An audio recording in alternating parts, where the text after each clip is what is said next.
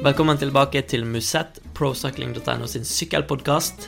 VM er like rundt hjørnet. Starter førstkommende søndag med lagtempo. En litt spesiell lagtempoøvelse før eh, tempoøvelsene følge i midtuka og fellesstarten neste helg. Eh, og eh, Musett og procycling.no gleder seg selvfølgelig masse, ikke sant?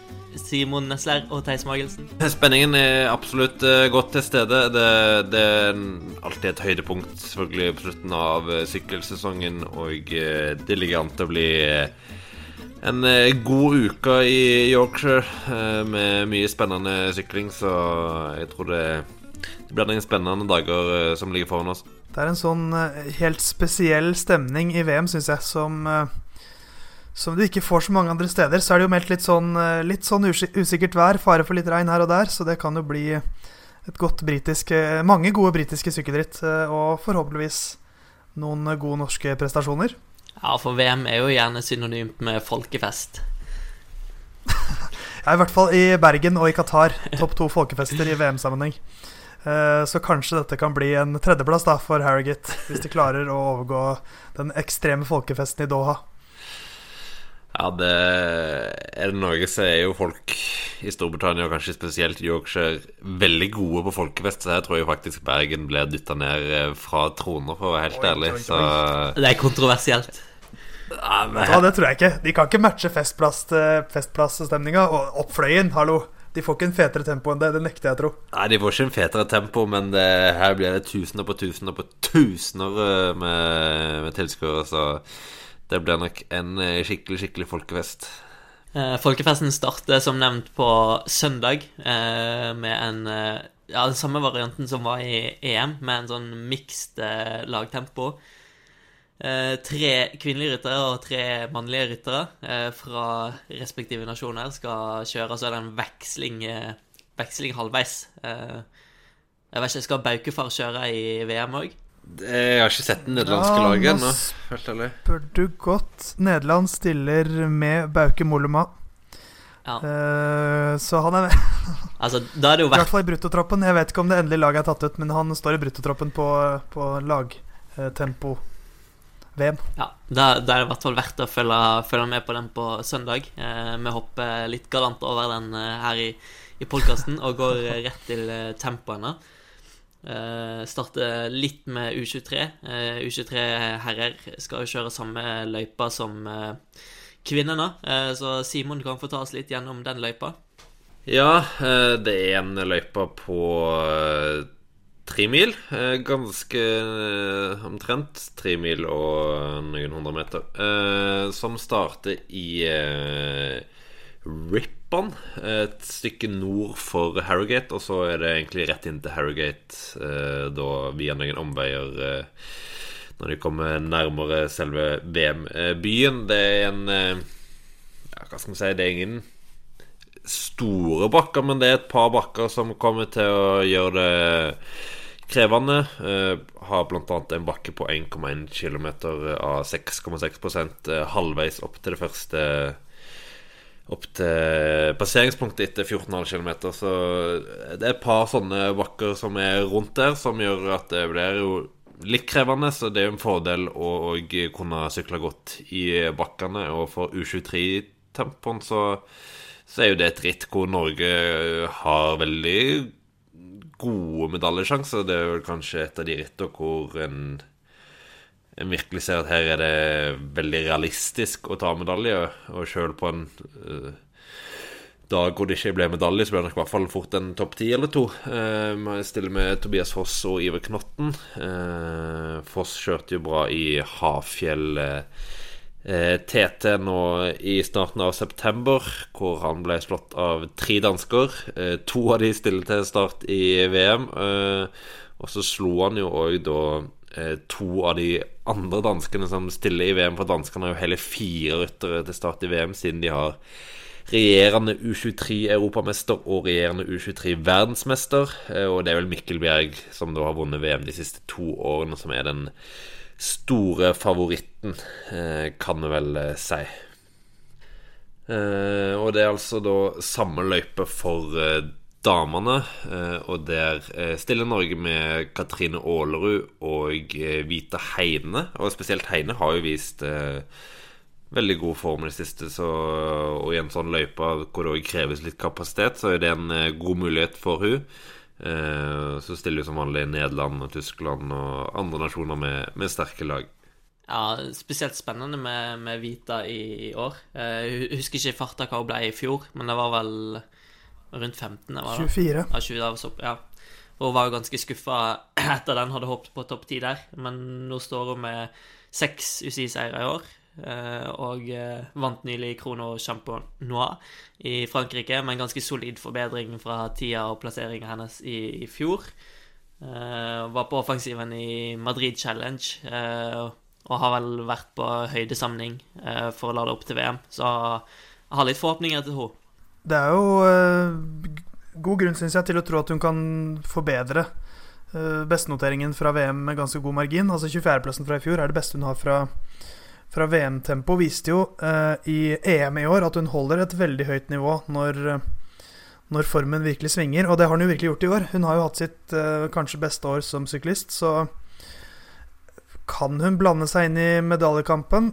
Kanskje litt mye å be om, for det er høyere nivå i VM enn i EM. Men det er veldig god grunn til å være litt spent, syns jeg, før kvinnes tempo. Også med tanke på norske muligheter. Ja, jeg tror absolutt hun har veldig gode sjanser på i hvert fall en eh, topp ti, og det, det, er jo viktig for å, for å få en temporytter med til eh, For å få flest, størst mulig kvote til OL neste år, så, så jeg forventer at hun er ganske høyt der oppe. Som dere sier, så har hun vist god eh, og solid form i de siste, så hvis den fremdeles er på plass nå om en snau uke, så, så, så er hun nok godt med i godt med på den tempoen. Eh, hvis vi skal snakke om eh, eh, eh vinnerfavorittene, eh, så skal det vel, i likhet med, med U23-rittet, som har eh, Mikael Bjerg som vinner to år på rad, så har kvinnerittet Annemiek van Fløyten som vinner to år på rad. skal vel vanskeligere å komme unna henne i årets VM òg. Ja, det er vel nærmest umulig, tror jeg. En ganske skreddersydd løype for ja, det er nettopp det, og det er uh, litt sånn småkupert. Uh, hun kan jo vinne flate tempoer også, men i litt kuperte tempoer så har hun vist seg å være helt utilnærmelig. Så uh, i hvert fall det siste året. Anna van de Breggen har jo vært nære å utfordre henne tidligere, i EM i, i Glasgow. da var det bare to sekunder mellom dem. Men ja, Ellen van Dijk er jo ute med skade, så det, det ble jo trippelt eh, nederlandsk i fjor. Da var det jo van Fløyten foran van eh, de Breggen og van Dijk.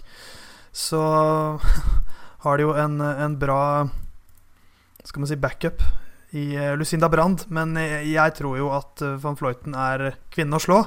Og hvis hun har en dårlig dag, så er van de Breggen kvinnen å slå.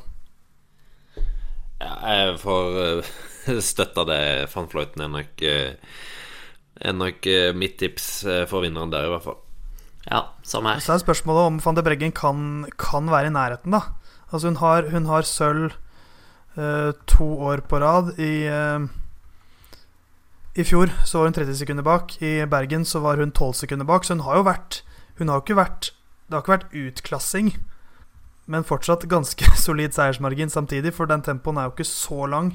I Bergen var den 21, 21 km, men samtidig 12 sekunder er ikke veldig mye, og jeg syns van de Breggen virker å, å være ganske bra slag.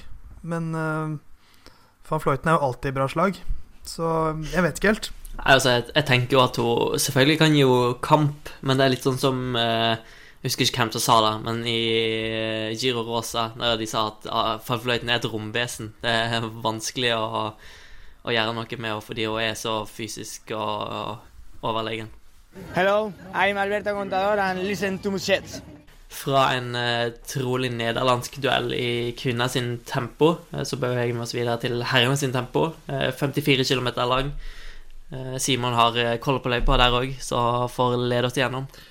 Ja, det er litt eh, i samme spor som eh, damenes og U23-tempoen, eh, bare at den egentlig er lengre. Jeg starter i North Halton enn en eh, kilometer eh, slash mil eh, nord for eh, Harrogate. Eh, De skal totalt kjøre 54 km, så det er en ganske det er ganske langt tempo, da. Eh, og eh, her òg er det et par eh, bakker underveis. eh, I litt samme vanskelighetsgrad som, eh, som i damenes og U23-tempoen. eh, så det går litt opp og ned, spesielt i midtpartiet, egentlig. eh, fra rundt eh, 15 km til kanskje 40 km, så er det en del småbakker. Eh, så igjen så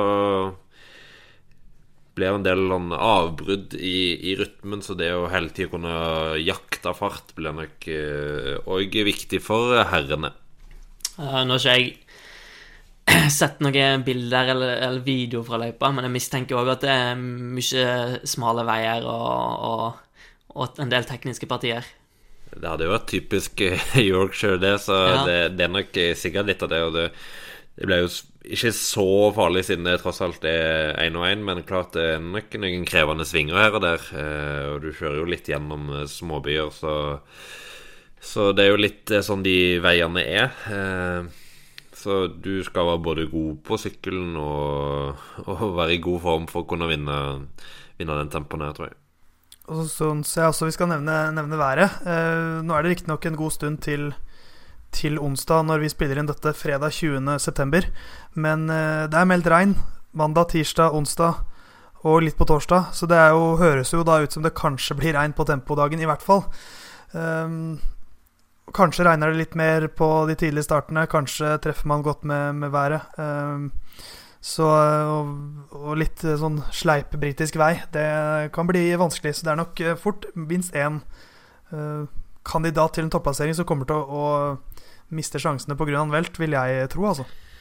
Ja, hvis det regner, så, så kan det jo fort mye skje. Uh, en annen viktig faktor med været er jo vinden, for de kjører jo mer eller mindre i samme retning. Så hvis det er mye medvind eller eh, motvind, så, så kan jo det ha en veldig stor innvirkning på hvordan, på hvordan en disponerer eh, kreftene sine på de eh, 54 kilometerne. Hvis vi ser på favoritter, så er det jo Rohan Dennis som er regjerende verdensmester. Men eh, etter den brå exit exiten i eh, Tour de France, så har ikke han sykla ritt på ja, siden da. Så han er jo et lite usikkerhetsmoment sånn sett. Men eh, han pleier jo å klare å finne formen. Ja, han pleier jo det. eh, Og eh, han er jo en veldig god temposyklist og har jo fokusert på det her nå lenge. Men eh, klart, han, han ønska jo sjøl å kjøre Voltan, eh, men fikk ikke lov til det. Og laget har, har jo altså ikke kjørt ritt siden Tour de France, så selvfølgelig har jo det en eh, påvirkning på på den formen du kommer i. Det, det er jo ganske langt fra optimalt. Så det blir spennende å se hva form han er i. Men han ser jo sjøl at han fysisk har testa veldig bra eh, i de siste ukene nå. Så hvis han er i samme form som han eh, var i fjor, så er han jo den store favoritten. Men jeg må si jeg har ikke veldig tro på han.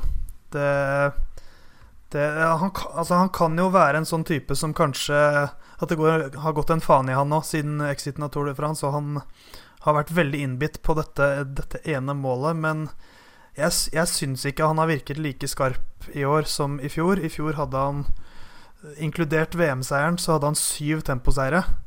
I år har han én. Eh, Den kom på en ganske kort tempo i Sveits, hvor han så vidt vant foran Bodnar. Um, han har klaget mye på utstyret, uh, mye utenomsportslig fokus. Uh, så hvis han i det hele tatt klarer å være med i medaljekampen, så er jeg ganske imponert, egentlig. Så um, i, i fjor følte jeg mer at, at alt, alt klaffet for han. Jeg, regn, jeg tenkte ganske tidlig at dette kom til å være hans år. Uh, det ble det. Men i år har han Det har vært natt og dag sammenlignet med i fjor. For meg, i hvert fall. Så mulig jeg er litt for hard mot han, men jeg tror ikke han kommer til å være med i gullkampen. Jeg forstår veldig godt hva du mener. eh, og eh, han har absolutt ikke levert på samme nivå som i fjor. eh, så da er det jo Det er et veldig stort spørsmål hva, hva han type versjonen han kommer i nå etter etter Det ble vel ja, to og en halv måned uten ritt omtrent, så han er vel det store spørsmålet i årets VM. Men øve, eller én øvelse du kan eh, la være å kjøre ritt og fremdeles gjøre det bra, så er det jo tempo. For han kjenner jo verdiene sine. Du kan Ja, hvis de har vært i vindtunnel, så kan de forbedre posisjon og sånt. Så kan han rett og slett vitenskapelig gå til verks for å, å, å, trene seg opp til å ta eh, gullet her, da. Så det er ikke gitt at eh, manglende ritt eh, sender han ut av gullkampen. Selvfølgelig, det kan være avgjørende dag. Altså det, det, er klart, han, han, har jo hatt Fordelen hans har jo vært nå at han har kunnet kun fokusere på dette ganske lenge. Um, mens andre ryttere har måttet, måttet, har valgt å sykle Vuelta Spania eller andre ritt. Så Nei, men jeg, jeg, jeg, tror fortsatt at det har, det har ikke vært hans år. Han slår meg som en litt sånn type. At når det klaffer for han, så klaffer alt. Mens når det går litt i motbakke, så, så går det liksom ikke helt. Så han, han, kan fort være den rytteren som ryker i asfalten pga. overtenning, tenker jeg. At det er, det er for, Han er for innbudt på at 'dette skal jeg ta', og så blir han for gira, og så er det våt asfalt, og så velter han. Men det er jo litt spennende hvis det er, måte, er utstyret som har vært hovedproblemet hans nå i år. For han skal jo sykle på en, en uh, umerka sykkel, som jo da mest sannsynlig betyr ikke en uh, Merida-sykkel, da. Eh, sannsynligvis har han da kanskje et utstyr han foretrekker framfor eh, Merida-sykkelen han har kjørt på i år, og eh, deres eh, komponenter. Så det kan jo være at det òg gir han en mental boost, da. Uh, det her er jo VM, så klart, så det er jo masse deilige navn på den startlista. Uh, så litt uh, Ja, det er masse å ta i, men vi kan jo starte på Remco Evenepool, da, som ble europamester eh, for et par måneder siden.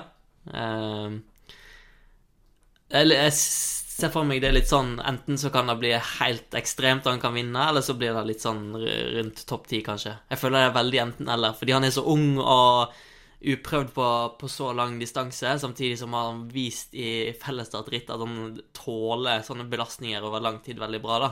Så jeg føler det er litt sånn enten-eller med han. Ja, det blir spennende å se.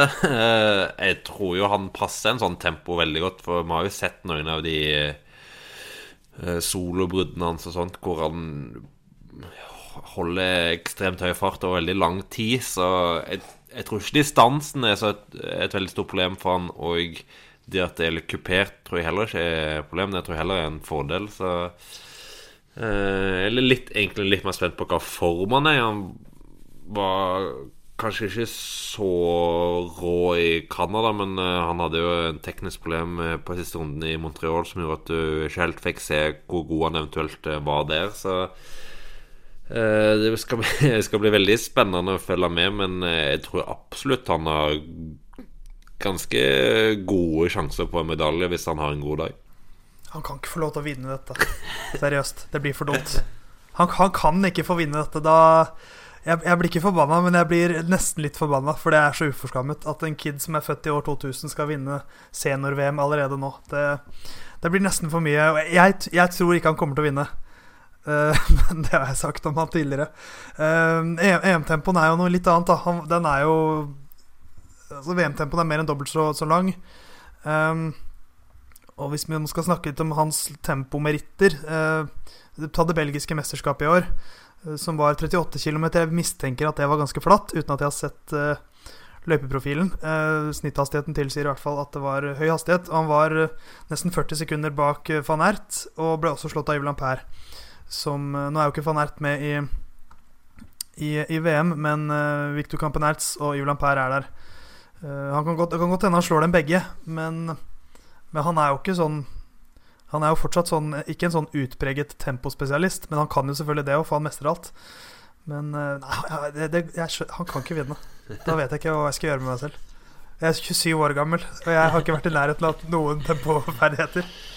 Men du har gjort det veldig skarpt i Fox Challenge, da. Skal ikke ta den ifra deg. Og det står da for Fevik omegn sykkelklubb ja. uh, challenge. Det er viktig å si. Det er en uh, forkortelse. Um, Nei, men han, han, er jo Er han kanskje Belgias beste beste medaljekandidat, eller er det Yves Lampert, som virker å være i ganske god form? Eller kanskje Campanets? Ja, Campanets er jo en veldig joker. Vi snakker om at uh, Dennis ikke har kjørt mange ritt, men den, uh, kampen hans har jo ikke kjørt et UCI-ritt siden Belge, de belgiske mesterskapene. Eller, ja Fellesstarten her i slutten av juni. Så han hadde jo Du kan si Første delen av sesongen hans handla jo kun om den timesrekorden, og så eh, kjørte han jo ganske hardt program der da, for å være i god form til det. Eh, og så har han jo, så han jo kanskje ikke så så rå som han gjorde eh, kanskje i fjor høst og sånt. Eh, litt utover. Men nå har han hatt en god pause. Eh, har allerede dratt til Yorkshire for en stund siden for å lade opp til den tempoen. Og vi så jo hvor, hvor, godt det gikk når han fikk lade opp til den tempoen Eller verdens, times rekordforsøket sitt. Uh, hvor bra det gikk. Så når han nå har fått veldig god tid på å lade opp til VM-tempoen, så kan det jo være at uh, han har prikka toppformen igjen. Det er absolutt veldig mulig. Uh, Primus Roglic, da, kommer fra Vueltaen. Kan tenker det kan gå begge, begge veier med hvordan formen hans utvikler seg i, i bakkant der. Men han viste jo i, på tempoen i Vueltaen eh, at han kan absolutt bli å regne med i VM òg. Jeg har jo vist det i hele år, egentlig, syns jeg. Vunnet uh, fire tempoer, er det vel. Én i Romandie, to i Giro og én i Vueltaen. Uh, så er jo utvilsomt en helt fenomenal temporytter også. Uh, hvis vi snakker om spørsmålstegn, så er jo det spørsmålstegnet hos han er jo hvor, hvor god han har vært til å holde på fokuset etter uh, Welton, hvor sulten han fortsatt er, hvor, hvor stort mål er egentlig tempo-VM for han i år. Um, men han er jo, tok jo medalje i Bergen. Uh, utvilsomt en fenomenal temporytter og en som elsker disse løypene hvor det går litt opp og ned. Uh, så, også en veldig sånn anvendelig temporytter som kan mestre flere, flere løyper. Så uh, han var jo bra i Vøltan, da. Ja, han var bra i Vøltan, og, og, han skal jo Han skal vel etter planen kjøre alle øvelsene i VM, altså lagtempo, individuell tempo og fellesstart. Eh, og på lagtempo så stiller jo Slovenia som eh, kanskje den største favoritten, med et veldig bra herrelag i hvert fall, og et relativt bra damelag. Så jeg tror nok han eh, Jeg tror nok han har store ambisjoner i VM om å få med seg noe, og ja, han har jo tross alt ikke hatt et så tungt rittprogram all den tid. Han hadde et veldig lett rittprogram etter giroen og fram til Og fram til Voltaen, så at han eh, fremdeles har en del overskudd igjen, det, det, tror jeg på. Så da blir, han, eh, da blir han ganske farlig på den tempoen. Den eh, firedoble verdensmester Antony Martin, da. Har vi noe tro på han? Oppsummert i ett ord nei. ikke at han ikke kommer til å være i toppen, for han er jo fortsatt en veldig veldig solid rytter. Men eh, nei, ikke med det, det trøbbelet han har hatt eh, nå også. Ja, han eh, velta jo, som Theis inne på, på den eh, 19. etappen, var det vel, i Volta. Han slo seg ganske kraftig der, så det jo, var jo på ingen måte perfekt for oppladningen hans. Og han har vel vært litt på en fallende kurve på tempo de siste årene. Eh, jeg tror han kan være topp ti, men jeg ser ikke helt for meg at han vinner eh, den tempoen. Er noen andre vi ser for oss kan eh, kjempe om gullet? Jeg tror uh, Stefan Kyng kan være en dark horse. Ja, det, um, Askren er min dark horse. Ja, det er, også en, er også en tempo som kan passe, passe Askeren ganske bra. Eh, det, det, som jo er litt interessant nå med tempo-VM, er at man, man, hadde noen år der det var liksom noen veldig sånn klare tempokanoner som dominerte. Det var Cancellara eh, rundt 05, 6, 7, 8, 9. Og, så var det Tony Martin-æraen etter det. Eh, og så, etter det, så har man jo hatt nå fem forskjellige vinnere på fem år, med Wiggins, Grenka, eh, Martin igjen, da, og så Demolin og Rohan Dennis. Så nå har det vært litt mer, eh, mer opp og ned. Så temposcenen nå er ikke like dominert slik den var da Cancellara og Martin var på sitt beste. Så jeg tror kanskje vi får en ny tempovinner, eh, en ny verdensmester i år også. Det er jo kanskje ikke så urealistisk, i og med at eh, det er kanskje Rohan Dennis som er den eneste reelle vinnerkandidaten av tidligere vinnere. Det er jo enten han eller, eller, eller eh, Martin, da. Eller skal Kirenka også sykle? Det har jeg ikke sjekka ennå. Eh, Det er jeg usikker på, men han har vel uansett ikke vært i god nok form eh, i år. etter. Han hadde, han hadde vel litt hjerteproblemer i starten av sesongen og har jo ikke helt kommet tilbake på sitt beste egentlig siden det, så jeg tror ikke han har mulighet til å vinne. Men eh, da kan jo du levere ditt eh, vinnertips, da, Theis. Skal jeg gjøre det? Ja. Eh, jeg har også lyst til å nevne Filippo Ganna som en liten dark horse, selv om jeg tror det er litt for kupert for han. Eh, nei, jeg tror Primoz Roglic vinner.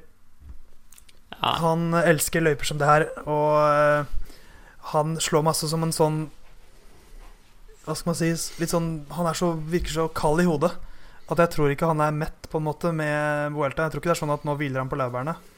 Spesielt ikke når han også skal, sier han skal sykle alle øvelsene. Da tror jeg han gjør det fordi han har, er gira på mer. Ja, jeg eh, stiller meg bak Theis og er enig i den logikken. Eh, når han òg velger å stille til start i den lagtempoen, så tror jeg han har eh, alt på stell og, og full kontroll på formen sin og er klar for å kjempe om, om gullet her. Ja, jeg Nå eh, føler du presset for å gå en annen vei nå? Nei, men eh, Ikke si Remco på Evnepol, for da må jeg nesten drepe deg, Simon. Eh, nei, men jeg, jeg går for en, en ja, Det er vel kanskje en liten sånn eh, eh, Enda en Kall dark det en horse. liten risiko, men eh, jeg går for Rowan Dennis. Eh, jeg tror han eh, kommer Oh. i i toppslag, har vært eh, fokusert på det lenge og har fått en, en, en fin sykkel han eh, er mer fornøyd med, og jeg eh, tar eh, seieren. Jeg er Carl Fredrik Hagen, syklist på Lotto Sodal, og du hører nå på podkasten Musett. Fra tempoøvelse til eh, fellesstart. Eh, U23-herrene sykler fredag 27. Vi har seks norske ryttere til start. Ludvig Holstad, Tor Huslien, eh, Jonas Widerberg, Iversby Widerberg, eh, Tobias Foss. Ah, nå stokker det seg her. Martin Bygger Jønstad og. Ida Andersen. Eh, Så Norge stiller med seks eh, ryttere, eh, og som du kanskje hører av de rytterne der, så så er Norge ute etter et hardt ritt. Eh, Det er ingen avsluttere eh, av der i spesielt høy klasse, så en er avhengig av å få en ganske god seleksjon. Eh, De første ti mila er ganske flate, så mindre det er noe vind der. eh, Så blir nok det ganske samla blant favorittene inn da i et litt mer kupert område, hvor vi begynner med et par mindre bakker før vi etter tolv mil går inn i Greenhoe Hill, som er på 3,5 km på nærmere 8% så den er ganske ganske tøff. Og hvis eh, Norge har eh, lyst til å måtte, få, et, eh, få, få en vinner ut av dette rittet, så må de jo gjøre rittet hardt derfra. Og derfra så går det egentlig utfor og så inn til Harrogate, hvor de kjører da denne runder som eh, vi etter hvert skal bli ganske godt eh, kjent med. Så Norge vil ha et hardt ritt, og det vil sikkert andre òg, mens andre sikkert går for en eh, spurt. For det ligner jo en løype, det her, syns jeg, hvor du trenger Kanskje ikke, Du trenger ikke å være verdens beste spurter, men du trenger kanskje å ha et, en akselerasjon eller ha muligheten til å kunne spurte i en litt mindre gruppe. Eh, Og det er jo ikke helt de kvalitetene man ser i det norske laget. Så jeg merker jeg ikke har de største forhåpningene om medalje. Men jeg tror dette kan bli veldig, et veldig underholdende ritt å se, også for oss nordmenn. For det må jo da bli eh, et ganske synlig norsk lag hvis de skal få til noe som helst. Så må de jo skape utskillelse og gjøre dette knallhardt for å ha noen sjanse. Ja, og det her er jo i bunn og grunn To Tour av Lavenir-laget deres. eh, veldig, en veldig sammensveisa gjeng. eh, En veldig sterk gjeng, ikke minst. Så jeg tipper de går inn her med, med en offensiv, eh, offensiv plan. Eh, Så er det jo spennende alltid å se Eller alltid. Nå i nyere tid å se U23-rittet, da, når du har eh, proffer som har muligheten til å stille, så lenge de fremdeles er U23. Du har jo i år eh, Kristoff Opptrekker, eller skal vi si eh, Kristoff sin eh, Eller, ja Nå er Kristoff nesten blitt lead- lead- lead-out-man for eh, Jasper Philipsen, da. Kristoff følger. Ja. Eh, og så har du Sergio Higuita, som kommer fra etappeseier i Vuelta i Spania, og eh, Finn, som eh, gjorde det skapt i fjor. Eh, nå husker jeg ikke om det var Mannin eller Hannin eller Det er Kanskje Hannin, Du tenker på Hannu Manninen. Han uh, Ja, kombinerte det er- Har blitt eh, U23-syklist, da. Nei, du tenker på godeste han Jakob. netene, Jakko. Hannin, ja. Så eh, de får jo litt å bryne seg på, på der, da. Kanskje spesielt Higuita blir ganske spennende. Ja, det er, jo, det er jo et litt sånn en diskusjon man har hatt mer og mer. Nå som, spesielt i denne æren her hvor, hvor man kunne hatt Tadej Pogacar her, man kunne hatt Egan Bernal. Det er så mange enorme syklister man kunne hatt der. RMK Evenepool kunne man hatt. Eh, og da hadde det kanskje, Da hadde jeg må, kanskje måttet gå tilbake på den spådommen min om man trenger en god spurt. Eh, men, men det er et helt tullete startfelt. Altså Jasper Philipsen er jo kanskje den største favoritten. Uh, Higita og colombianerne ønsker nok at det skal I hvert fall Higita ønsker nok at det skal kjøres eh, hardt. Så det er jo flere nasjoner her som, som er på jakt etter det. Eh, Danmark skal man eh, også selvfølgelig se opp for. De, eh, de gjør det som regel ganske bra i disse aldersbestemte rittene. Ja, de skulle jo egentlig hatt Niklas Larsen på laget, men han eh, fikk jo eh, litt skadeproblemer her, eh, som gjorde at han måtte eh, trekke seg. Eh, Hva slags skade var det han hadde, siden? eh, jeg har bare lest den danske saken, så jeg, eller overskriften, så jeg vet ikke helt eh, nøyaktig om han hadde problemer med ballen. Eh, jeg vet ikke om det er rumpeballen eller akkurat eh, hva det er, men eh, hadde et eller annet Jeg, jeg tipper hamstring. Bare sånn skudd i blinde. I hvert fall et problem til at han måtte ut. og han ville jo vært en rytter som kunne vært i nærheten av å matche Philipsen i en spurt. Nå blir det nok et litt mer offensivt ritt for dansken òg, og det pleide de å være gode på. Så det blir nok et spennende ritt å følge med på. Se også opp for uh, Thomas Pidcock. Vi prater mye om Spiri Vipper i, dette, i denne podkasten. Han er vel under 1,60 og veier 50 kg, men gud, for en syklist han er. Så hadde det ikke vært for denne mm, stygge velten hans til Olav Nier, som er forrige ritt han sykla, så hadde han kanskje vært eh, en favoritt på størrelse med, med Philipsen. Men, uh, så, så et spørsmålstegn, men se virkelig opp for han. Han kan fort vinne.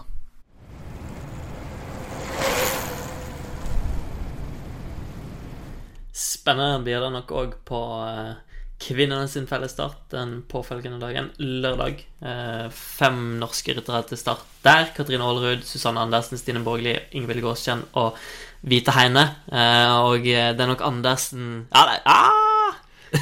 Andersen og Borgli kan vi vel begge lene oss på, på her når jeg tenker meg om. Aldri hørt et så høyt A fra deg før, Knut. Ja, jeg tror du absolutt skal legge til Borgli i den der. Eh, Susanne har jo signalisert at hun har uh, store ambisjoner i VM, Uh, og Borgli har jo vist en form som antyder at hun har noe å gjøre i, i toppen i VM, så uh, litt annen løype enn det U23-rytterne kjørte. Eh, det starter i, i Bradford, og så er det en del bakker i i starten. Eh, først har du Jack Hill, en eh, 1,7 km av eh, drøyt 9 som kommer etter 14 km. Og så Cray Hill, 2,9 km av 8,5% etter rundt 45 km. Eh, og i, da er det jo rundt 100 km igjen, så klart det kan være et sted hvor eh, ritt allerede får en eh, god start og noen av de bedre spurterne faller av. Det kan være et sted hvor f.eks. Susanne Andersen kan få problemer hvis det blir kjørt veldig hardt. Eh, men da har jo Norge andre kort som nok eh, kan sitte med. Og så er det jo inn i eh, runden i Harrogate, hvor de kjører eh, De kjører vel tre runder. eh, så vidt jeg kan se. Eh,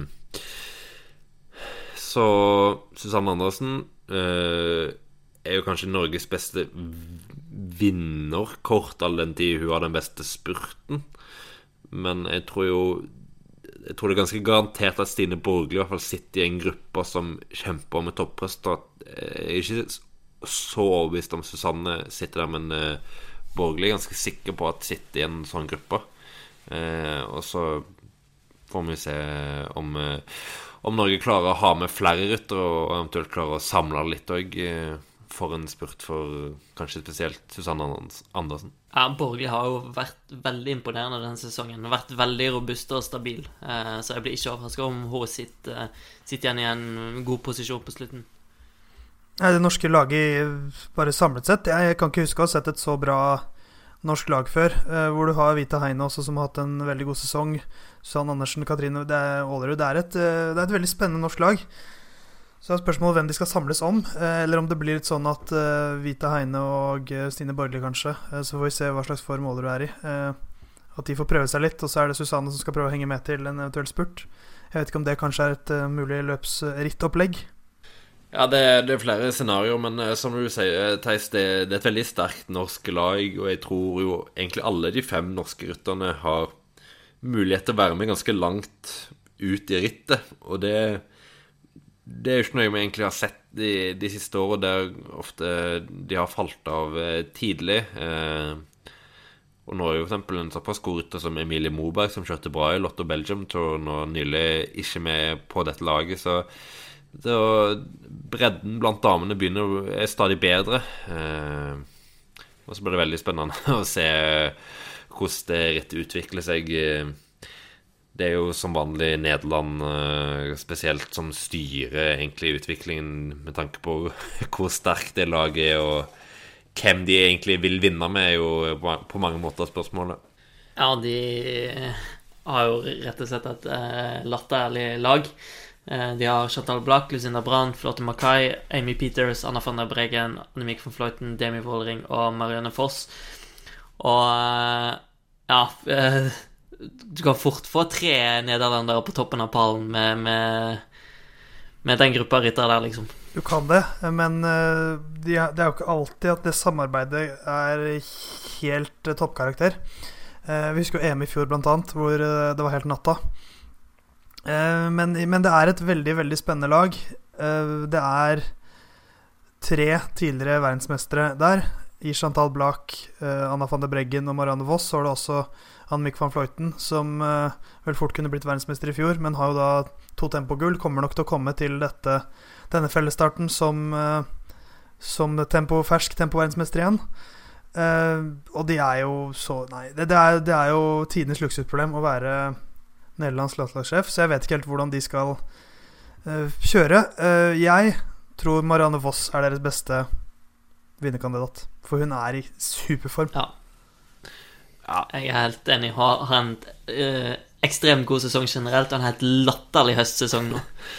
Ja, nå har jo vunnet fem av syv etapper i Tour de la Deche og sammenlagt. Og de to etappene hun ikke vant, så var det vel egentlig fordi hun ble satt litt sjakkmatt fordi de andre var lei av å se Marenfoss Foss vinne. Så herja jo òg i Lady Store of Norway, så hun er i helt eh, opplagt strålende form. Eh, og takler jo disse bakkene uten noe problem. Og er jo òg blant de aller beste spurterne om det skulle være en større gruppe. Så hun, er, hun ser som et veldig sikkert vinnerkort å samles rundt.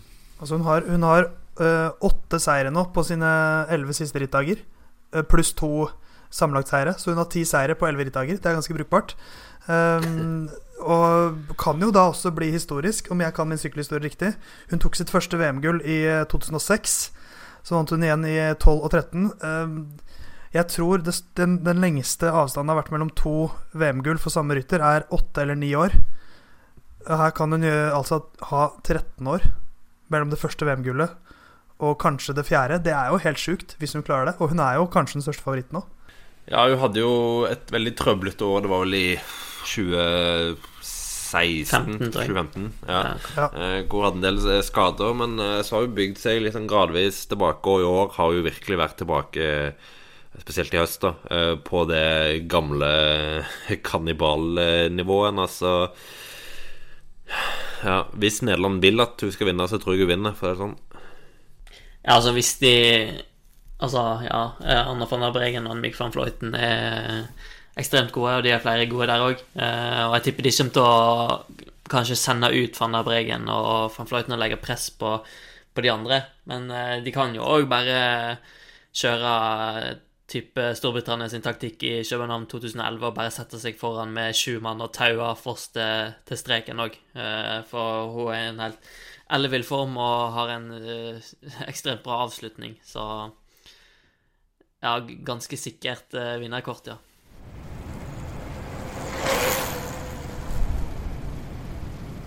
Hvis vi ser litt uh, bort fra nederlenderne, så har og Foss, som har hatt en strålende sesong, så har jo òg uh, Marta Bastianelli, uh, Virtu-rytteren, hatt en veldig god sesong, Theis. Ja, det har vært Hun var jo vårens store syklist, rett og slett. De, det var vel i underkant av 20 rittdager hun hadde der, hvor hun var topp top 8 eller topp 9 alle dagene. Eh, har vunnet noen veldig store ritt i år eh, også. Vant Flandern rundt, vant eh, Ronde van Drenthe, vant uh, Vårgårda. italiensk mester har hun blitt også, så hun har hatt en helt, helt suveren sesong. og mens nederlenderne er litt, skal man si et stjernegalleri som ikke alltid er så lett å kontrollere, så er det litt mer tydelig hvem italienerne bør kjøre for. Og jeg ser for meg at de samler seg litt mer rundt Bastianelli. Um, og hun kan slå de fleste i en spurt. Hun klarte å henge med van Fløyten i Flandern rundt, og slo henne ganske enkelt i spurten. Så hvis nederlenderne da kjører denne taktikken hvor de dundrer på med, med de mer bakkesterke rytterne sine, og Voss ikke klarer å følge, så kan de fort uh, sitte der uh, litt i saksa og slite litt med, med en veldig seig Bastianelli. Så hun er, skal man virkelig se opp for. Og kanskje spesielt Vi så jo i Vårgård at hun òg klarte å slå uh, Marianne Foss i en uh, i en uh, ganske seig spurt der, så det bør jo gi henne trygghet hvis de to plutselig skulle barke sammen på, på oppløpet. Så Bastianelli er en Nederland må kvitte seg med før spurten hvis de skal være sikre på et gull, tror jeg.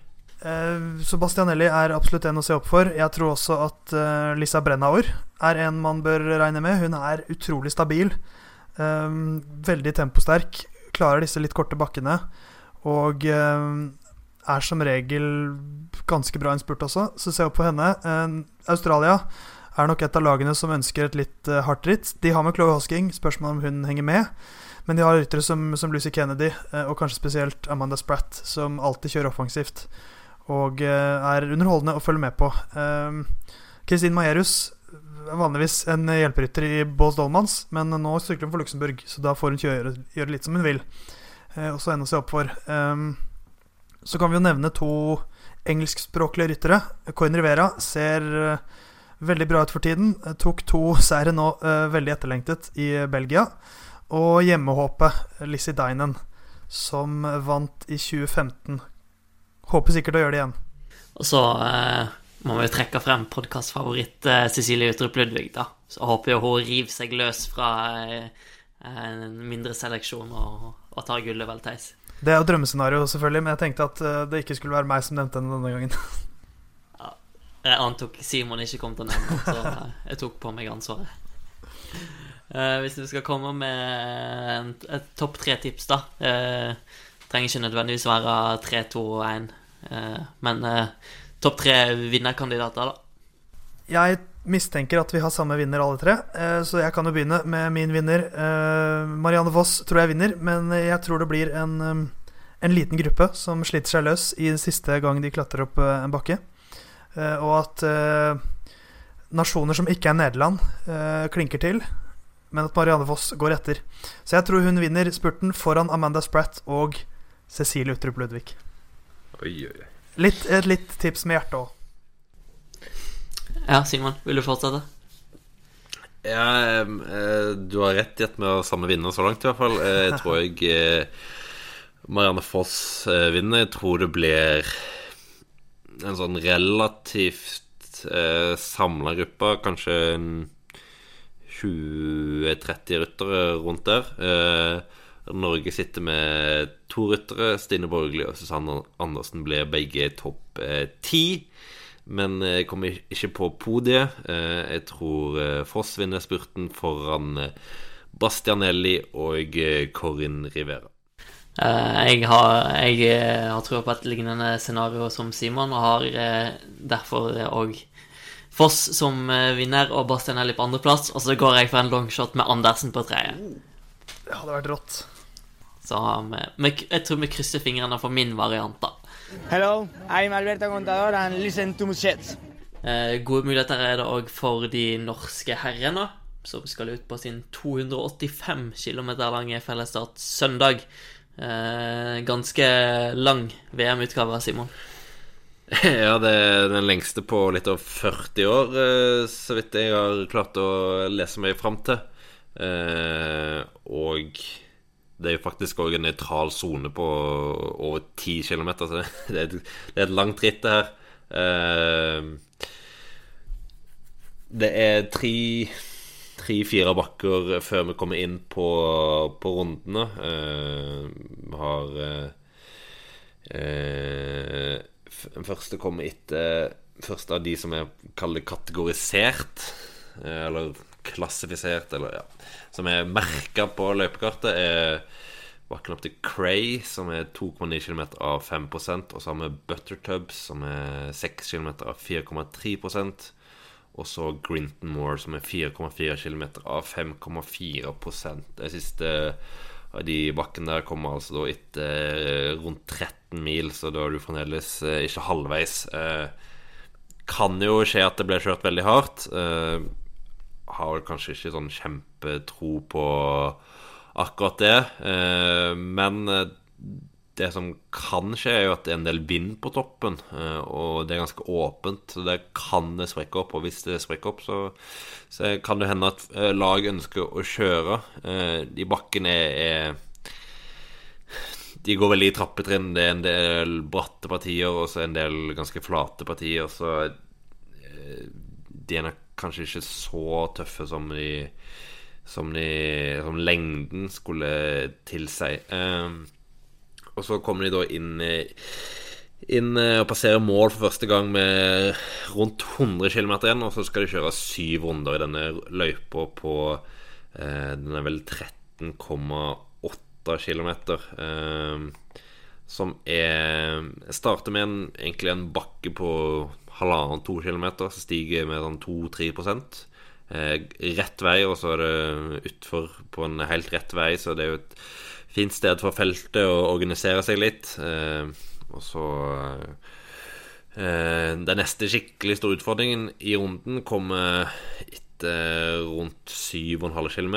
Da går de inn i eh, bakken opp til Harlowmore Road, som er en bakke på 1 km på 6 Veldig bratt i starten. De første 200 meterne ligger på rundt 10% Og det er en litt snirklete vei inn i bunnen av bakken, så spesielt hvis det er regn, så får du en ganske tøff start på bakken hvis du ligger langt bak, mens de fremste nok vil få en ganske kunne ta med seg en del fart. Eh, og fra toppen av bakken så er det jo da rundt fem kilometer til, til mål. Eh, går relativt i greit terreng, et par små småbakker. Eh, og så kommer du inn eh, da med litt over en kilometer igjen på, på det som var rett strekk inn mot eh, oppløpet i Tour de France, men de tar da en eh, liten eh, et par svinger, sånn at de mister mye fart og kommer inn i bånn av den siste bakken med rundt 500-600 meter igjen. Eh, og da starter de opp på en rampe som er rundt 5-6-7% i 100-200 meter før det flater ut de siste ja, rundt 300 meterne opp eh, til målstreken. Eh, så blir det en ganske seig eh, avslutning. Eh, og Så er spørsmålet om det blir en seig spurt, eller om det eh, blir en seige 100 meter igjen for en eh, rytter som ligger alene i front. Jeg tror, jeg tror det her blir ei skikkelig fin VM-utgave, for den er ganske seig, den løypa der også. Jeg tror det ble en ganske kraftig utskillelse. Men det er jo samtidig en sånn løype som Simon sier, at det store spørsmålet er jo Blir det angrep og brudd som går inn, eller er det sånn hvor det samler seg til slutten? Sånn type, type det ble i Australia da Hushovd vant. Eller blir det altfor hardt for veldig mange av spurterne? Og Kristoff og co. blir satt sjakkmatt lenge før gullet skal deles ut? Jeg tror eh, det blir en såpass hard utskillelse at det er bare 20 ryttere som spurte om seieren til slutt. Ja, eh, det var vel ikke så veldig mange flere i Bergen. Eh, eller i Australia, for den saks skyld. Så eh, Den store forskjellen fra de rittene, sånn som jeg ser det, er jo at den siste bakken kommer mye tettere på mål. Med fem kilometer igjen så er det vanskelig å hente en luke på ti sekunder, f.eks. Eh, mer vanskeligere enn det var i Bergen, hvor det var eh, Det var vel i hvert fall 8-9 km fra, fra, toppen av eh, denne såkalte laksebakken, for å bruke det forferdelige kommersielle navnet. Eh, sånn rent høydemessig så vil jeg jo egentlig si at denne løypa er ikke mye hardere enn Bergen. Uh, bakkene er jo egentlig lettere. men den store forskjellen fra kanskje Australia og Bergen er jo at det i større grad har blitt lagt fokus på at dette er en for hard løype for de fleste spurterne, og at det er ikke så mange land som kommer med, med sine beste avsluttere, som det, som det nok var i f.eks. Bergen og Australia. Nei, for det er veldig sånn eh, Når du sier fem kilometer fra toppen til mål, var det det du sa, Simon? Ja, det er fem, fem og en halv kilometer. Ja, så det er jo sånn Milano San Remo-nivå, hvor det ca. er fem kilometer fra toppen av Poggio inn. Uh, og det man jo ofte ser i San Remo, er at det som avgjør om bruddet går inn For det angripes jo alltid på Poggio, og det som avgjør om det går inn eller ikke, er hvor, som regel hvor dedikerte utbryteren er. Um, og hvordan samarbeidet der funker. Uh, I år så vi jo at det var veldig mange lag som var på offensiven, og da blei det ikke noen kjempespurt. Uh, nå er dette et litt annet ritt hvor det blir veldig trolig litt mer offensiv kjør tidligere. Uh, men det er som du sier, når lagene ikke kommer dit med mange spurtere, så blir det sannsynligvis ikke så lett for spurterne. Og det er jo ikke så positivt med norske øyne, eller kanskje ikke med Kristoff-øyne, men kanskje for andre norske øyne.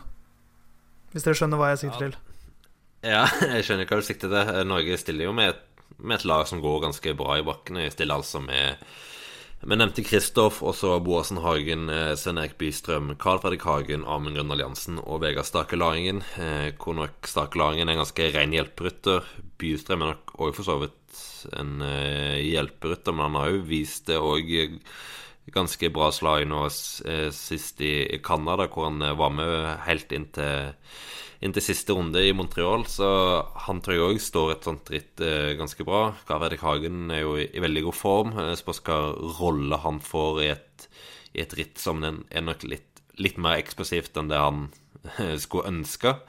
Eh, Båsen Hagen er jo et spørsmålstegn, eh, mens eh, Grønner Hansen er jo i veldig god form eh, og kan henge mye bedre med i bakkene enn det, enn det Kristoff kan normalt sett.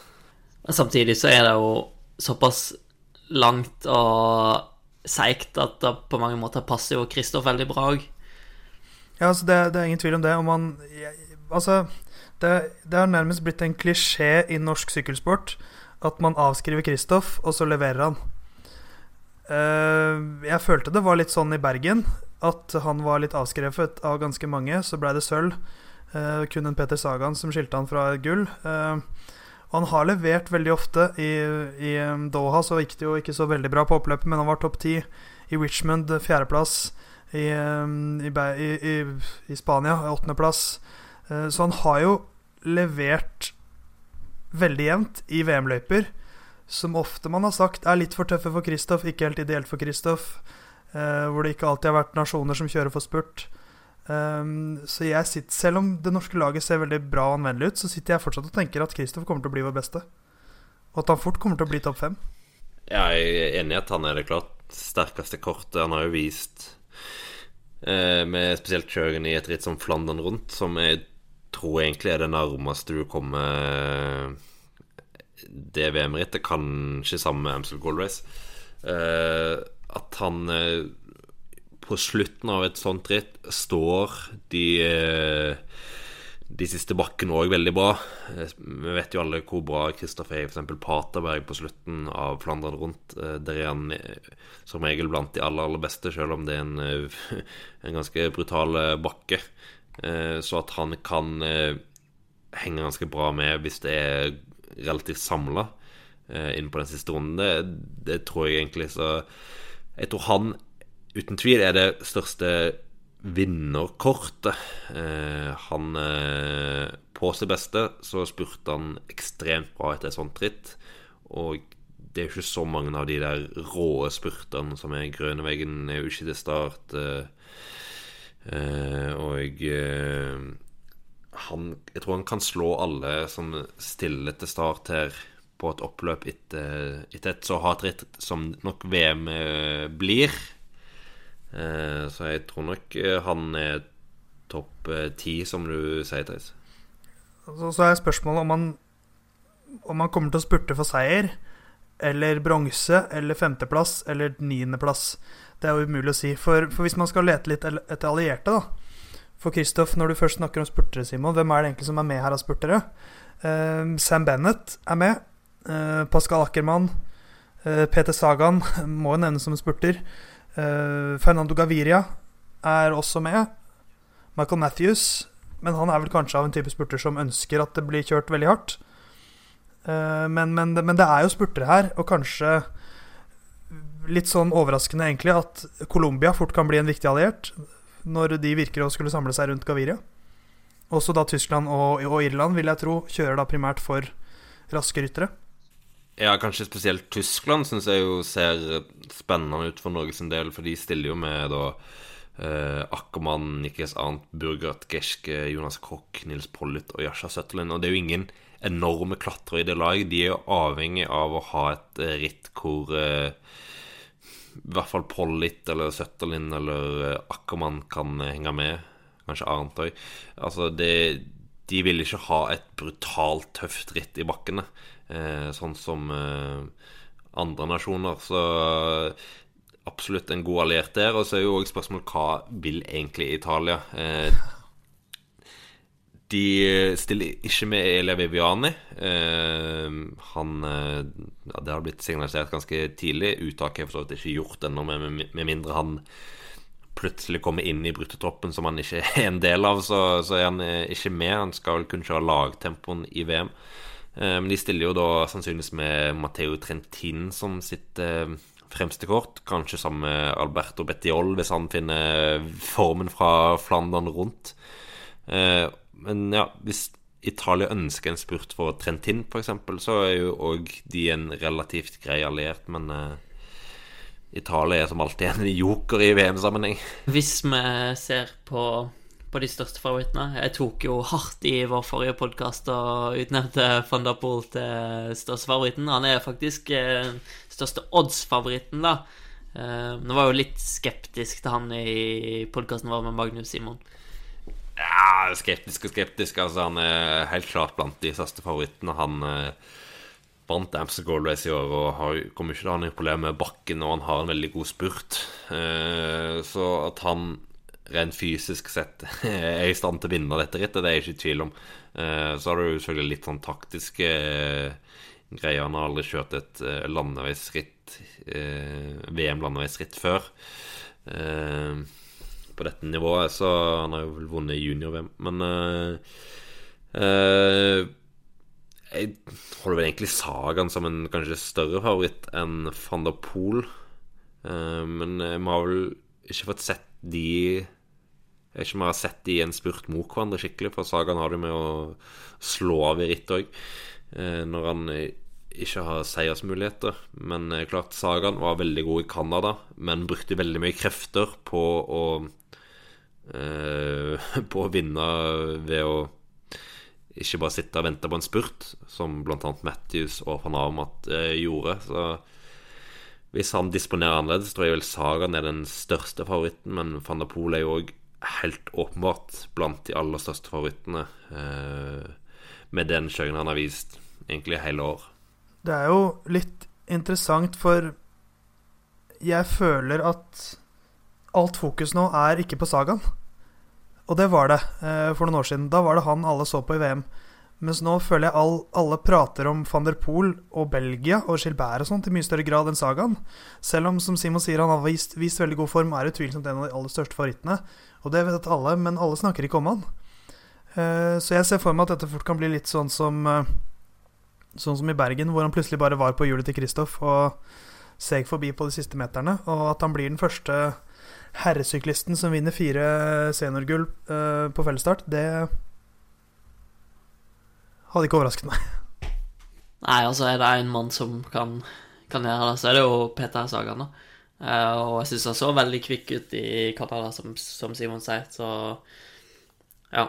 Det er, så, det er så mange om beinet her òg nå at uh, det er mulig å liksom snike seg med, sånn som du sier det, Theis. Uh, det er definitivt det. Så Sagan har jo ikke noe sterkt, veldig sterkt lag bak seg. Men det er jo et, en, en belgisk blå elefant i rommet vi ikke har snakket om ennå. Eh, For hvis, hvis man skal snakke om bredde hos, eh, hos kvinnene så er det Nederland, og hos gutta så er det Belgia. For det laget der Jeg kan bare lese det opp, så kan dere få si hva dere vil om det. Tim de Klerk, Remco Evenepool, Philippe Gilbert, Yves Lampert, Oliver Nassen, Dylan Tøynes, Greg van Amat og Team Wellens. Og da har du vraka Tish Benot, Jasper Stuyven, eh, Sepp van Marke og, og flere. Så Lars det- pluss. Det Plus. Det det er et råsterkt lag. Eh, eh, og det er et, åpenbart et lag som er klar for et ganske hardt ritt, da. Eh, når du ikke tar med Stuyven, f.eks. Eh, van Avmat er deres beste avslutter eh, i et veldig tøft ritt eh, i en liten gruppe, så kan han jo vinne en spurt. Men jeg tror ikke han vinner en spurt hvis, hvis f.eks. Sam Bennett eller Kristoff eller eh, den type ryttere sitter igjen i en spurt. Så Belgia er avhengig av å skape et hardt ritt, og det, det kommer de nok til å gjøre. Ja, for det var jo det Rick Februgge sa om dette uttaket, var at det sto mellom Yves Per og Jasper Stuyven. Og at uh, Lampert ble foretrukket fordi han skulle, som Februgge vel sa, åpne rittet tidlig. Eh, så det er vel ingen hemmelighet at Belgia kommer til å begynne tidlig og fortsette å kjøre hardt. Ja, jeg er jo spent på hvor tidlig en, en vil begynne. Eh, Det spørs jo selvfølgelig veldig på vær og vind og litt sånt òg, men jeg ser jo egentlig ikke for meg at at rittet åpnes noe særlig tidligere enn eh, enn når de kommer inn på, på rundene. Eh, så da er det jo ja, 100 km igjen omtrent. Eh, så kan det godt være at han åpner Venter et par runder før det virkelig skjer noe. Så veldig spent på når på måte, Belgia starter den offensiven sin, fordi de de er nok avhengig av å starte den relativt tidlig. Jeg tror, jeg tror nesten de vil starte med en gang du kommer inn på rundene, fordi rittet er så, så langt. eh, Og for liksom få brukt kortene, så tenker jeg de vil eh, sende ut folk tidlig på de, på de rundene, kanskje med en gang, og for å slippe å ta ansvar inne på rundene. Ja, og da er jo spørsmålet hvem sitter bak og tenker nå skal vi eh, kjøre inn det her. Og en lag er på en måte sterke nok til det. Og samtidig som ikke går med på den offensiven, så Jeg vet ikke, Frankrike har jo òg et veldig bra lag, men jeg vet ikke helt hva de tenker. Eh, Julian Alaphilippe er vel den store kapteinen. Eh, men han skal jo ikke kjøre en tidlig finale, han skal jo vente ganske dypt. Så noen lag som måtte vil organisere seg og prøve å holde det samla lengst mulig. Det, det er jeg spent på hvem som tar den rollen. Eh, Norge har vel signalisert at de i hvert fall ikke skal gjøre jobb tidlig, så så om det er f.eks. Australia, som eh, nok har et veldig stort håp i Michael Matthews, og som ikke har så mange av de rå eh, rytterne for øvrig, kanskje Simon Clark og Jack Haig, som kan gjøre noe i en finale, men ellers er det nok litt eh, begrensa. Så jeg tror kanskje Australia kan være et eh, sånt lag. Det kan jo også hende at eh, for, for hvor er Matthew van der Poel best i verden? Jo, i litt kortere bakker. Og hvis de tar tak, sørger for at det holdes samles inn i siste bakke Og hvis Mathieu van der Poel sitter med i tetgruppa der da, da er det ikke mange som klarer å følge det angrepet der. Nei, det er jo ikke det. Eh, og det er jo en perfekt bakke for han å på en måte komme inn i en god posisjon og så bare angripe som søren i, i starten, hvor det er veldig bratt. da Der er det rundt eh, 10 i første 200 meterne. Eh, og så går det litt i platå oppover, men eh, aldri særlig brattere enn 6% stort sett bare rundt 2-3% Men hvis han da får en luke i det bratte og så bare akselererer når det flater litt ut, så er det jo en perfekt bakke på han. Og om han da har eh, har noen sekunder på toppen, så er det jo et relativt leppa tid med litt eh, tekniske utfordringer, hvor han òg jo trives veldig bra, så det, er veldig få som klarer å følge han eh, i, et, i, en sånn bakke. Det så vi jo virkelig i Torf Britten, hvor han var helt eh, overlegen når vi hadde disse spurtene i, i motbakke. Så det er ingen dum taktikk. Men så er spørsmålet om han er typen til å kjøre sånn, da. Han er jo litt cowboy. Eh, og hvis det da, hvis Gilbert eller Wellens eller noe sånt begynner å klinke til litt tidligere, er han kald nok til å bare stole på lagkompisene og si at dere får tette Lukas, så sparer jeg kreftene? Eller er det sånn at han fort kan, kan finne på å gape over litt for mye her? Når han, han, vel også sikkert vet at det er veldig mange som eh, ser på han som en stor favoritt. Jeg tror instinktene hans fort kan kicke litt inn her. Vi så jo det i Amstel at han var veldig tidlig ute med å angripe der. Ja, og da havna han jo på etterskudd etterpå igjen, så så det er jo en fare å være for, eh, for het på grøten. Eh, men spørsmålet er jo igjen hva vil Nederland? For Nederland har jo òg et veldig bra lag. Det er jo ingen tvil om det. Et eh, skikkelig godt klassikerlag med andre Langefelt og Terpstra og van Barle på laget. og så har du da van der Poel og Toynissen, som er på en måte rytterne skal man gjøre det i en spurt. Mens Bauke Mollem er jo òg utpekt som en slags delt kaptein, eh, sikkert for å eh, gjør egentlig hat, så hatritt som mulig. Altså Han skal være med på en del angrep i bakkene, da. Og da er det jo naturlig at du prøver å spare Toynissen og van der Poel egentlig til slutt, eh, og se enten til spurten da, eller til den siste bakken.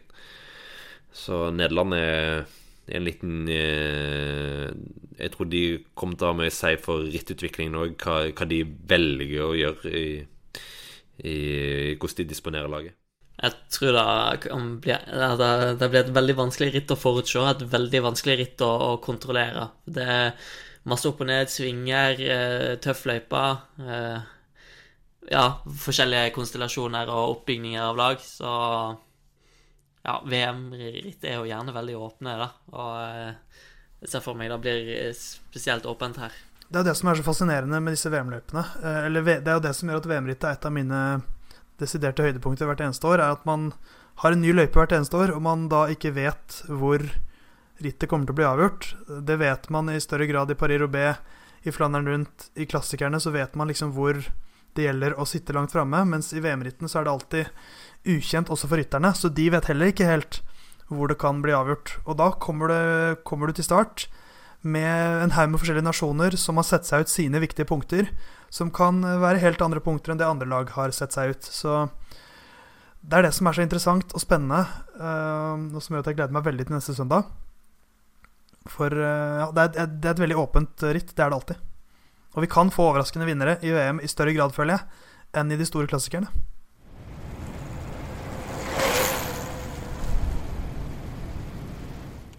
Da har vi vært igjennom eh, ganske god bolk med store favoritter, men eh, den kanskje enda større bolk av eh, outsidere her. Ja, det er mange å ta av. Eh, jeg vet nesten ikke hvor vi skal begynne, men jeg kan jo f.eks. Eh, ta et par navn eksempel, fra litt mindre nasjoner.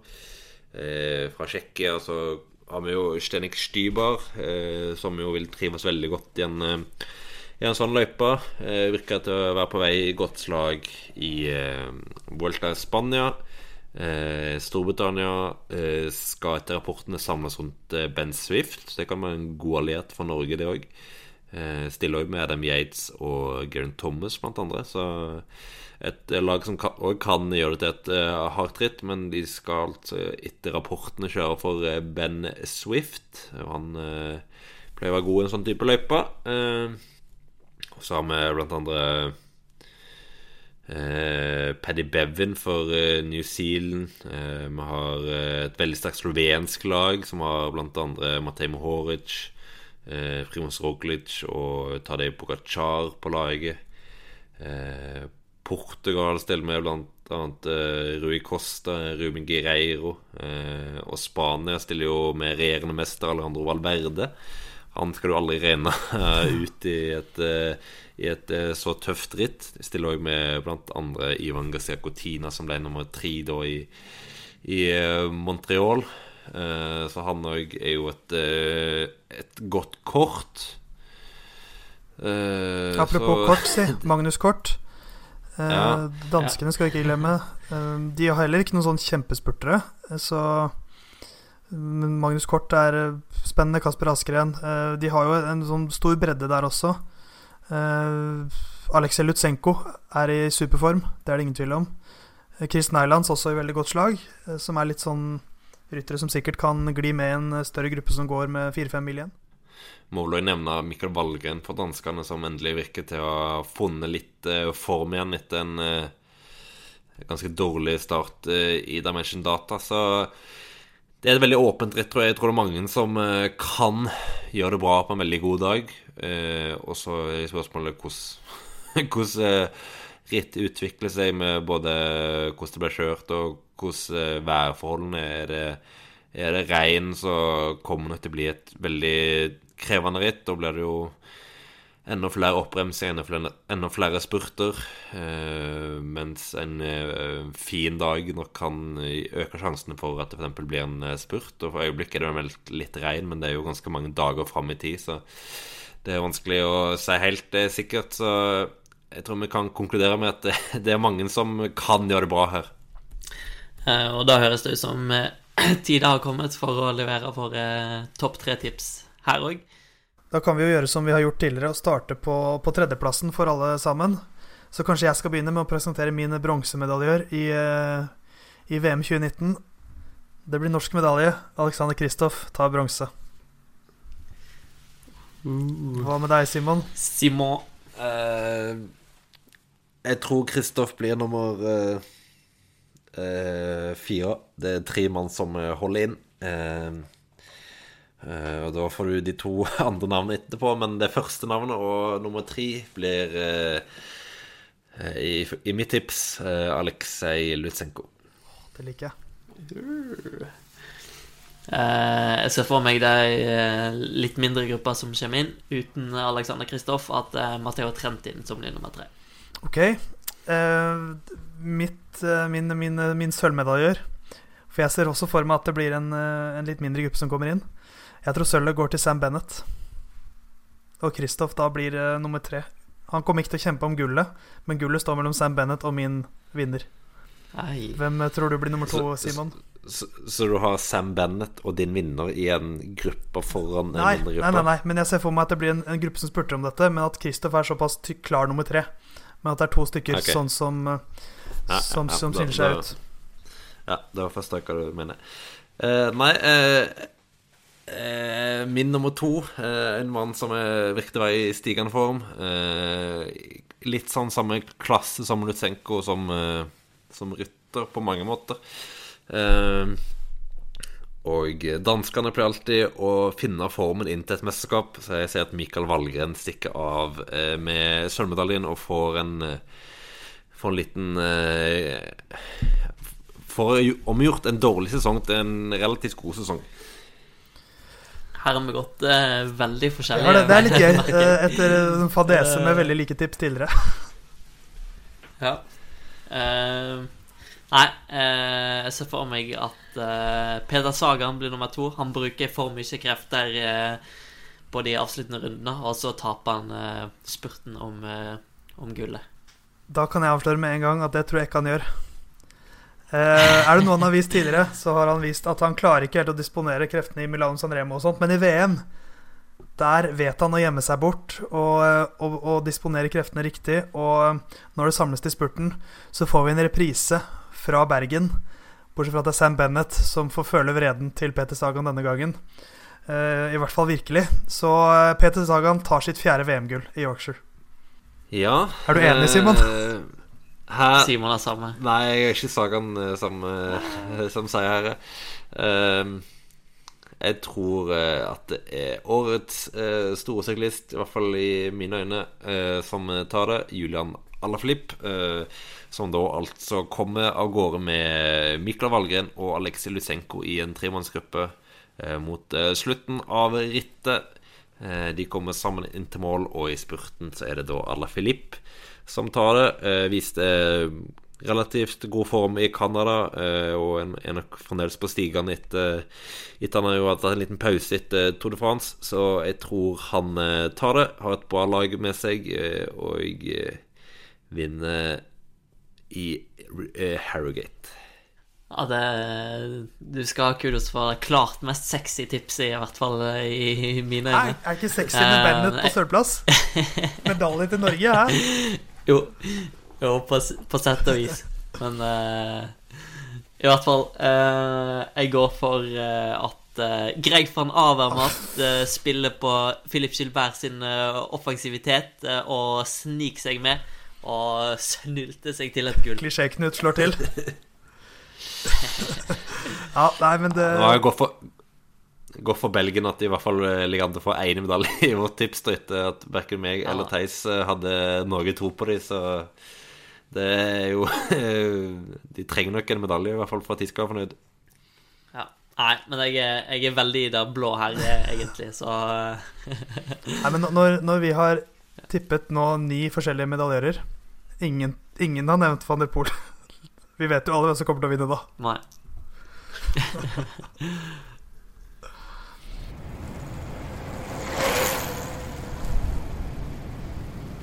Siden det her er en VM-spesial, og vi allerede har en podkast ute denne uka, så dropper vi spaltene våre i dag. Og eh, nå har jo Pro Cycling eh, eller Musett gitt deg svarene på hvem som vinner, eventuelt ikke vinner VM. Eh, og hva, hva, det faktiske resultatet blir, kan du jo følge på procycling.no, for vi har live fra alle øvelsene bortsett fra lagtempoet. Så, så heng med der. Eh, og så heng med videre på vår podkast, eh, og da kan Theis i hvert fall gi deg svaret på hvordan du gjør. Det er eh, så lett som bare det. Eh, det er bare å, å kitte fram mobilen din, søke opp en eller annen rå podkast-app, eller gå inn i iTunes. Vi fins på de fleste steder, Spotify blant annet også. Men Knut, Simon og Theis her setter ekstra stor pris, stor pris på om du gidder å gå inn på iTunes og søke oss opp der.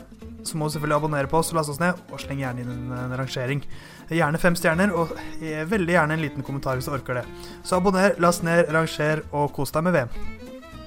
Det er en uh, veldig god plan. Og så er vi tilbake etter hvert med en uh, ny podkast i bakkant av uh, VM-øvelsene. Så snakkes vi da.